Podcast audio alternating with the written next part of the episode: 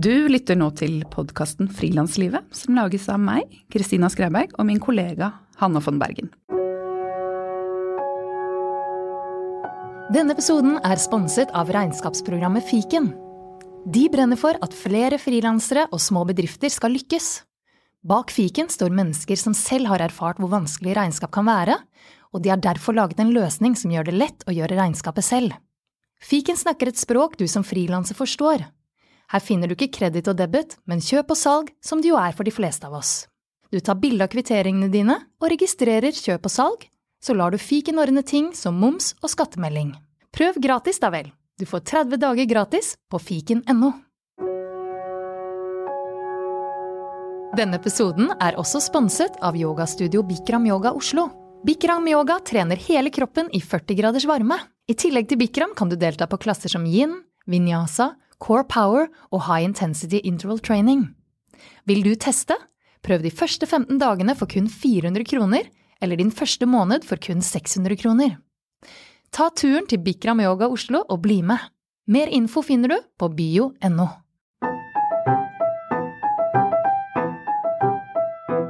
I dag har vi besøk av saksofonist og komponist Bendik Giske. Bendik han jobber eksper eksperimentelt med musikken sin, og blander den med scene- og billedkunst. Og Bendik han har jeg prøvd å naile eh, en god stund, fordi han reiser sjukt mye. Nå er han i byen i 24 timer og tilbringer her eh, altså en time med oss. Hei, Bendik. Hei, Kristina. Tusen takk for at du er her. Det er så bra, bra opplegg. Jeg er veldig glad for å kunne være med på det. Og dele av din eh, tilværelse som frilanser og kunstner. Ja. Jeg deler gjerne. Men da starter vi rett på, Bendik. Hva, hva driver du med? Hvordan jobber du? Hvem er du, hva gjør du? Det spørsmålet stiller jeg meg selv hele tiden. Um, jeg har tatt en utdannelse i utøvende jazzsaksofon, og da jeg starta med det, så tenkte jeg nå skal jeg gjøre dette her en liten stund, og så se hva som skjer. Og jeg driver fortsatt og ser hva som skjer, selv om det er ganske lenge siden jeg ble ferdig med, med utdannelsen. Når ble du ferdig? Jeg ble ferdig med mastergraden over det, 2011. Det tror jeg stemmer. Ja, Så du har eksperimentert med hva som, hva som skjer i Jeg noen år? eksperimenterte litt før jeg tok den mastergraden nå, da. Um, men eh, jeg ser på en måte min, min bedrift som at um, jeg skaper ting, og jeg jobber der hvor det føles viktig for meg, og hvor det føles motiverende. Og så har jeg eh, saksofonen som et eh, redskap som jeg mestrer godt. Så jeg finner på en måte den finner på en måte en, en vei inn veldig ofte da, i, i mange produksjoner. Jeg har gjort noen produksjoner uten den også, men i det siste så har jeg på en måte funnet tilbake til, til en eller annen slags fascinasjon for det instrumentet. Så, da, så da er jeg jo ganske mye saksofonist igjen. Men jeg må liksom Jeg, jeg føler veldig sterkt at jeg er saksofonist kun i de settingene hvor jeg har skapt, skapt det. Skapt musikken, eller skapt settingen. da. Fordi du eh, er jo i mange sånn Altså du har jo blant annet eh, opptrådt eh, på i operaen med Nils Beck, hvor du vandret Ja, i bar overkropp og høye hæler og spilte saksofon. Ja. Og du har vært nylig Nei, kanskje ikke nylig. Du nevnte at du har vært i Art Basel med, og opptrådt. Kan ikke du fortelle litt om det derre eh, Hvordan du får saksofonen inn i disse settingene? Og, eller disse samarbeidene? Ja, det var, når jeg var ferdig med, med bachelorgraden og lurte veldig på hva jeg skulle gjøre med livet mitt, så møtte jeg Nils. Og Nils eh, var en, eh, hva skal vi si, en, en kjempeenergi. Det er kanskje mange som vet hvem Nils er. Og for de som ikke gjør det, så var det han som spilte, eller fremførte O helga natt i Skam. Nemlig. Da etter det visste alle hvem han var. Ja, ja nå er det sånn at alle vet, alle vet om det. Nemlig. Ja, jeg, jeg tror det. Um, Ja. eh, en, en kjempeenergi, en fantastisk energi, og, og, og han var veldig flink til å se muligheter. Og det eh, var jeg også på en måte veldig klar for, en sånn mentalitet hvor man ser muligheter veldig mange steder. Så da lagde vi et album. Da var jeg Da Nå snakker jeg litt om det, altså. ja, kjør på. Da hadde jeg på en måte tatt en fire års utdannelse hvor jeg hadde lært å spille saksofonsoloer, egentlig. Improviserte saksofonsoloer. Det var liksom min profesjon, da. Og så lagde Nils og jeg et album uten en eneste saksofonsolo. Så det ble på en måte min første litt sånn rebell der. Og så er jeg, jeg er veldig opptatt av drag-kultur, rett og slett. Um, Jeg vet ikke helt hvorfor, men jeg syns det er et eller annet eh, fascinerende og vakkert med å kunne forandre sin egen persona og velge hvem man vil være. Gjør du det selv noen ganger? når du... Jeg opplever at jeg gjør det selv eh, ganske ofte. At jeg, at jeg på en måte eksperimenterer og prøver å finne opp på nytt hvem det er jeg vil være. Og jeg opplever også at jeg har vært i setting hvor jeg, hvor jeg har følt at jeg har blitt definert eh, på forhånd. Ikke sant? Bendik er jazzsaksofonist. Eh, Du er sånn. Og så har jeg opplevd det som, eh, som noe jeg vil eh, stå imot. Og, og reaksjonen er at jeg prøver å finne ut av hva annet jeg også kan være. Og jeg driver jo fortsatt og finner ut av det. Men det jeg har funnet ut av, er at jeg har en tro på min egen kreativitet, og at jeg kan skape noe. Og det, den troen på egen kreativitet og at man kan skape noe, er noe som går igjen i ganske mange i alle kunstneriske virker. Sant? Så når jeg var eh, i Art Basel, så var det fordi um, Først var jeg i Art Basel Hongkong sammen med en um, kunstner fra Berlin um, som gjorde et bestillingsverk der og trengte musikk til det. Og så gjorde vi en performance der uh, som utarta seg veldig og ble, og ble en morsom ting vi gjorde på en fest en gang. Og så, og så du vet, så møter man noen, så møter man Og så møtte jeg en, uh, et amerikansk kunstnerpar som heter Boychild og Wu Tsang. Og de skulle gjøre Og det ledet da til et eh, lengre samarbeid hvor Boychild fysisk Boychild er en performancekunstner som jobber med bevegelse og kostyme. Så Boychild på en måte fysisk tolket hva jeg ga av lyd. Og så lagde vi, liksom etablerte vi en dialog der. Og så fikk Wu, Wu Tsang det til å passe inn i en, eh, en sånn performance-serie som gjorde seks dager på rad i um, Art Basel i Basel i 2017.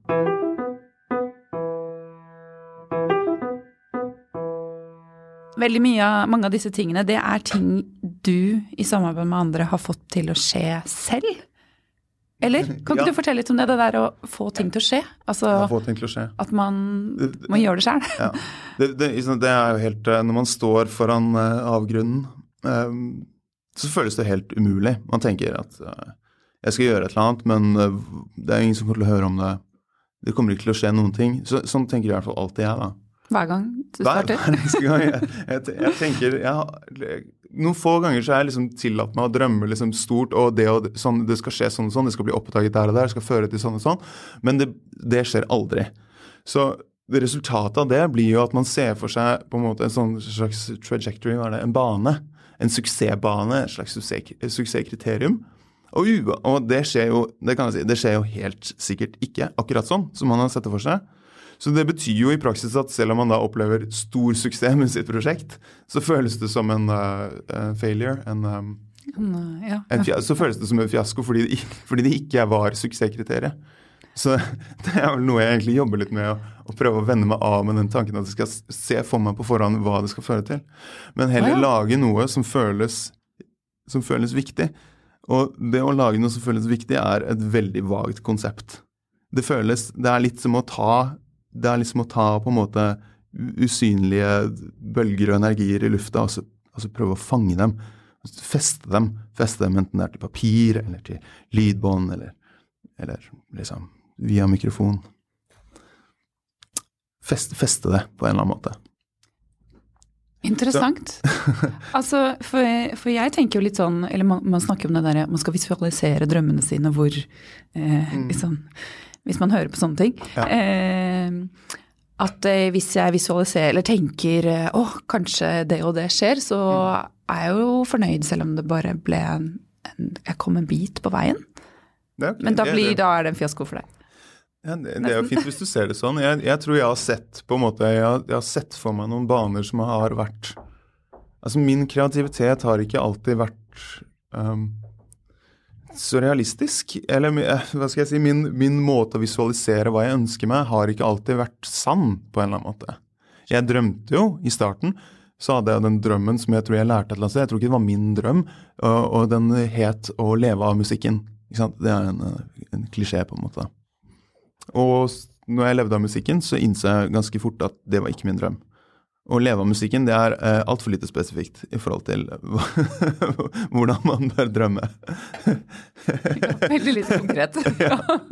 Det, um, men det er jo sånn man sier. Ja, å leve av å kunne skrive. Å leve av å kunne uh, Ja, men, men, det, men, det, i seg selv er jo veldig lite spesifikt. Altså man kommer jo til å, På et eller annet tidspunkt så kommer man til å måtte tenke altså nå er min, uh, på, på, et eller annet tidspunkt så ble min drøm å kunne si nei til jobber istedenfor.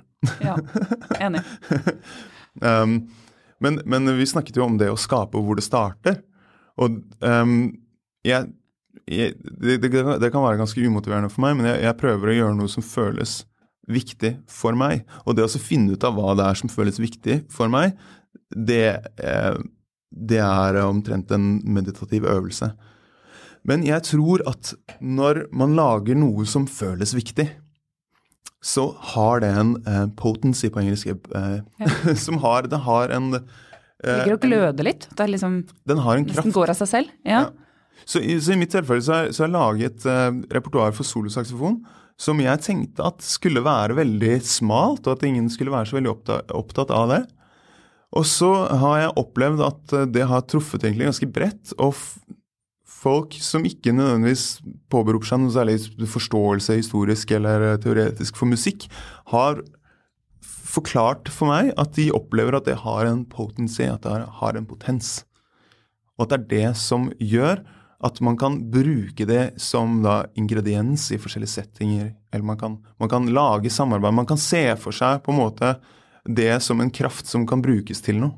Men tilbake til det derre eh, Hvordan du finner ut hva som er viktig. Mm. At det er en litt sånn meditativ øvelse. Hvordan gjør du det? Hvordan, ja. hvordan finner du det ut for deg? Ja. Um, hva gjør du? Ja, jeg, jeg har um, Jeg tenker på jeg jeg tenker ofte på litt sånn banale analogier. Sånn, sånn, som at hvis haien slutter å svømme, så dør den. jeg er en hai. så selv om jeg ikke aner hva jeg jobber med, så må jeg jobbe. Og på et eller annet tidspunkt der så ser man seg tilbake, og så Eller i hvert fall jeg, da. Nå, nå snakker jeg om meg, ikke, ikke mannen generelt. Så på et eller annet tidspunkt så ser jeg meg tilbake. Dette har jeg opplevd flere ganger. Og så ser jeg å ja, det er dette jeg jobber med. Jeg jobber jo med dette her. Og så, og er det akkurat som at det blir helt sånn, åpen, sånn banalt åpenbart for meg. Det blir så åpenbart at når jeg setter titler på det, når jeg forklarer det for andre, så er jeg liksom flau over hvor banalt jeg syns det er. Men når jeg endelig klarer å kommunisere hva jeg jobber med til andre, så syns ikke andre det er banalt i det hele tatt. Folk elsker å forstå, å, å forstå ditt prosjekt på en eller annen måte. Når i prosessen kan du få denne aha-opplevelsen? Liksom, å, det er jo dette jeg gjør. Har du, har, liksom, har du eh, det, det, det, kavet ganske lenge da? Det, er, det, er, ikke alltid en aha-opplevelse, det, er, en aha-prosess. Uh, så den, den, kommer liksom i, i sånn rykk og napp og sånn, men som regel så har jeg kavet ganske lenge. Og så, og så Jeg tror egentlig hver gang så har jeg slåss litt med en følelse av sånn Er det dette jeg skal drive med? Um, kanskje, kanskje, jeg har gjort nok. Kanskje jeg skal finne noe annet å, å, å jobbe med. Fordi nå er, det, nå er, kilden tom. Nå har jeg ikke så mye mer å si her. Um, og det, det, føles litt sånn uh, resignert og, og, depressivt å tenke sånne ting. Uh, men så har jeg lært meg etter hvert å, å, tenke, og jeg har også sagt det til andre, så vi er, vi er, på en måte kollegaer og venner som er flinke til å si det til hverandre, at uh, dette er en viktig del av prosessen, for det er her, det er i denne fasen, at du staker ut en kurs som du potensielt skal jobbe med i flere år framover. Så det er helt hellig, og det er ikke mer enn noen uker. sant? Det kan være, det kan være kjempekort. At man, man, er i en sånn uro og lurer på hva det er det kan være. Og så skal man leve med konsekvensene av det kjempelenge. Så det, den uroen der er egentlig en, en hellig periode. Det er et ja. privilegium å ha den, til og med. Mm. Fantastisk sted å være, ja. men vanskelig, da. Vanskelig å stå i. Og, eh, og, det der å ja, ikke stoppe der, og liksom bare være, være i det veldig ukomfortable og ja. uvisse. Og, men man må jo passe på, da, å jobbe. Og stå på morgenen. Og eh, jeg kan si for uh, for egen del og liksom erfaring med, med, folk som jobber utøvende, sånn som jeg, at man skal være veldig bevisst sitt rusbruk. For det er en ting som på en måte kulturelt sett er forventa. Jeg, jeg, tror jeg har en av de få profesjonene i verden hvor det er helt forventa at jeg skal være beruset på jobb. Altså, det er alltid alkohol på backstage. Alltid. Og hvis det ikke er det, så blir det ramaskrik. Det er noen som passer på at det er det. Alltid. Rører du alkoholen, eller har du liksom ja, ja, Hvordan håndterer ja, du det? Har et, jeg har et veldig nært forhold til rus, absolutt. Um, det er jo en helt annen uh, samtale, føler jeg. Um, men jeg bringer det på banen nettopp fordi um, Altså, det er jo ikke, en, det er ikke jeg som bringer det på banen, for det første. Det er, jeg tar det opp nå. Men det er, er jo noe som blir tatt opp stadig vekk, med tanke på uh, hvordan man lager kulturer i, i, i musikk-bandsammenheng og sånne ting. Jeg, det syns jeg er en veldig viktig samtale å ha. Og Særlig når det gjelder hvordan man mestrer frilanstilværelsen sin, så er det denne perioden som vi snakket om nå, hvor man skal kjenne på sin egen kreativitet. Man skal, man skal kjenne på hva det er som føles viktig for en. Man skal være litt grenseløs, man skal være intens. Og det er vanskelig å skru på den, og det er vanskelig å skru av den. Og når du da legger til at rus er liksom Alle heltene dine har, har dødd av heroinoverdose. Liksom, hvis, det er, hvis det er sånn det er, så er, så er det veldig lett da, å bruke rus. Og jeg skal ikke si at det er feil eller galt. Jeg skal ikke være den som setter de grensene i det hele tatt. Men jeg kan si at hvis man ikke klarer å stå opp om morgenen, og hvis man ikke klarer å jobbe, og hvis man ikke klarer å være seg selv, så klarer man heller ikke å få noe ut av den perioden der får du til å stå opp om morgenen? Eller sånn, hvordan er din rytme? Ja, jeg, jeg, har, som, som, du nevnte tidligere, så reiser jeg ganske mye. Og jeg, har, jeg jobber jo prosjektbasert. Så jeg har Rutine er en av mine utfordringer. Jeg har ikke noe rutine, og det kan være periodisk veldig vanskelig å etablere når du har vært, hvis du har vært på, ute av farta i tre uker og vært, jobbet knallhardt og er helt utslitt, så må du på en måte unne deg en periode hvor du kan komme til krefter igjen. Og så må du komme inn i en eller annen slags daglig rutine igjen. Og så finnes det veldig lite å lene seg på. Og det er, det er vanskelig. En annen jeg hadde inne her, nevnte at hun så på den type jobbing som å jobbe på oljeplattform.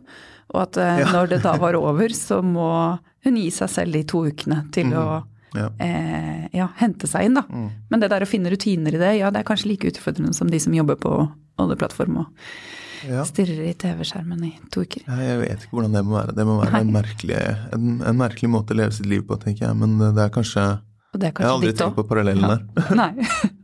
Um, mitt er jo Jeg lever jo et veldig Jeg, jeg lever veldig spennende.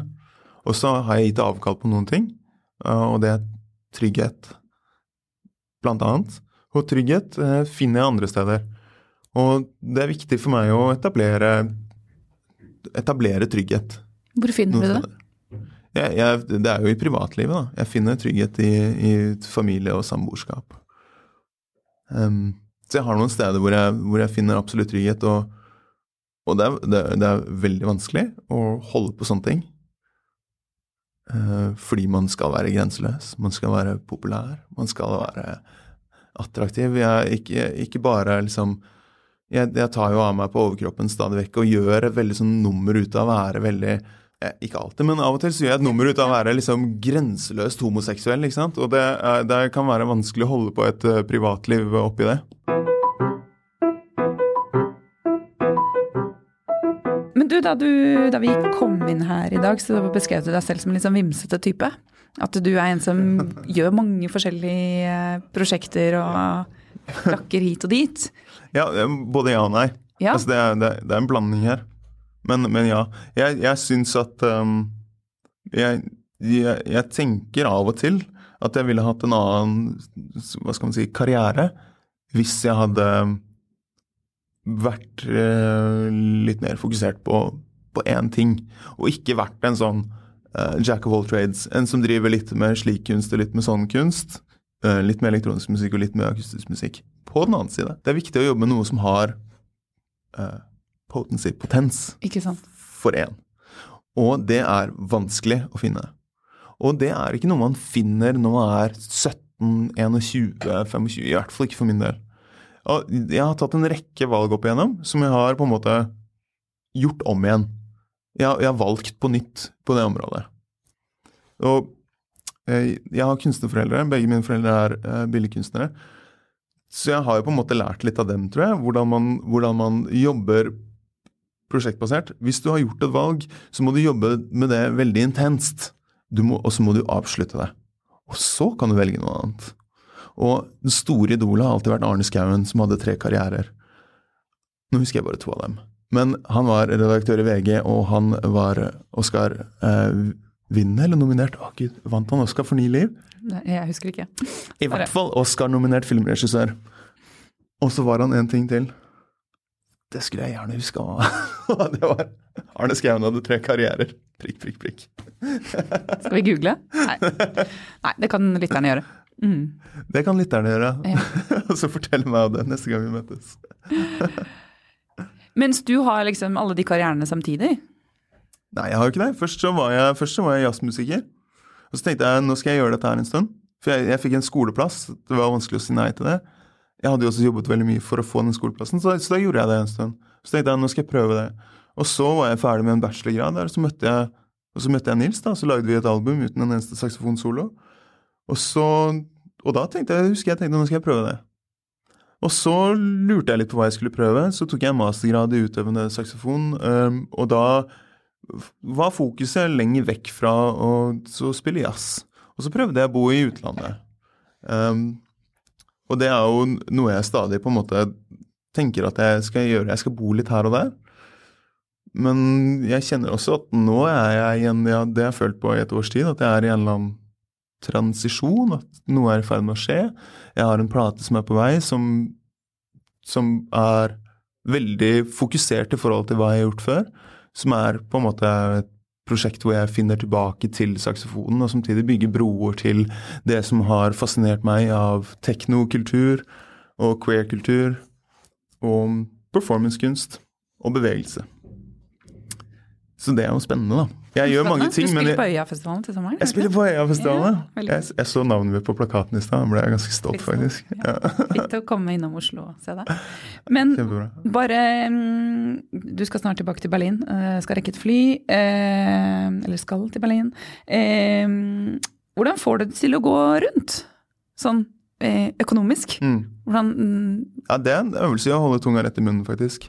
jeg har jeg har vært ganske flink til å opparbeide en buffer når jeg har hatt mulighet til det. Og, den, og det, er, det, er, det, er, ganske vanskelig, fordi man tenker alltid Hvis jeg bare investerer disse pengene i dette prosjektet, eller eh, i disse, dette antrekket eller dette instrumentet, utstyret, så kommer karrieren eller musikken eller kreativiteten til å liksom ekspandere eksponentielt. Og det kommer til å ha masse å si. På den annen side, og det er sant, det tror jeg er sant, man skal, man, skal høre, man skal, lytte til den impulsen. På den annen side, når man får setningsskade på badet, eller man mister nøkkelen og trenger en lås med, eller et rør sprekker Når livet skjer? Ja. ja. Så Eller eh, som frilanser, da.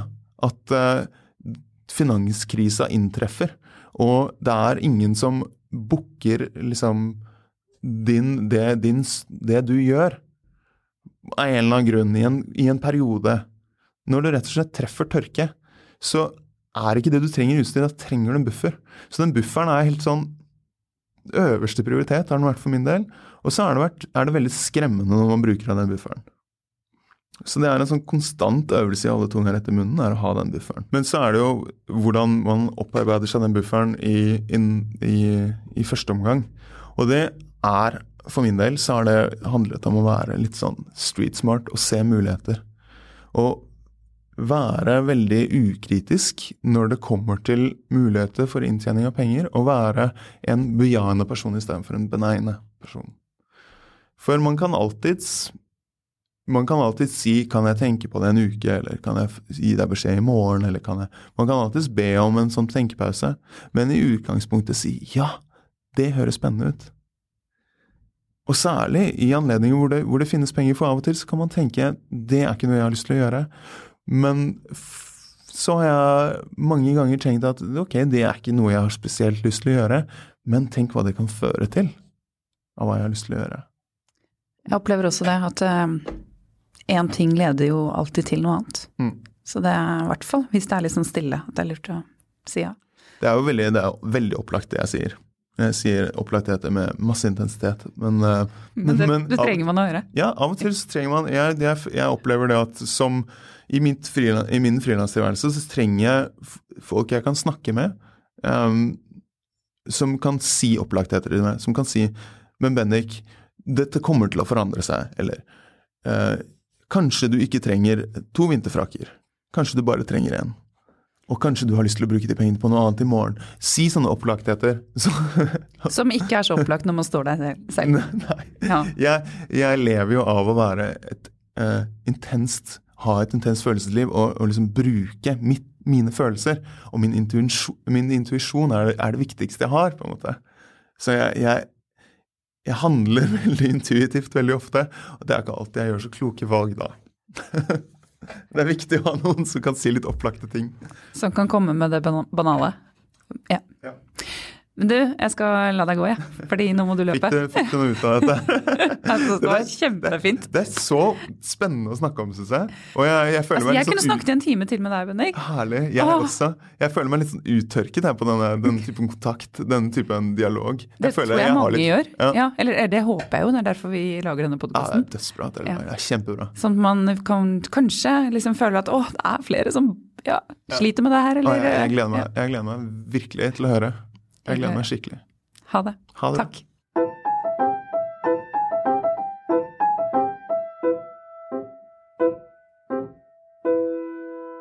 Hvis du likte det du hørte, eller liker podkasten Frilanslivet, så betyr det masse for oss, og det hjelper oss masse hvis du forteller det til en venn eller en frilanskollega, eller ja, hjelper oss med å spre ordet. Fordi det er faktisk den eneste måten at vi kan fortsette å gjøre det her, og fortsette å lage godt innhold, er at det blir spredt til andre, og det er det bare du og dere lytterne som kan hjelpe oss med.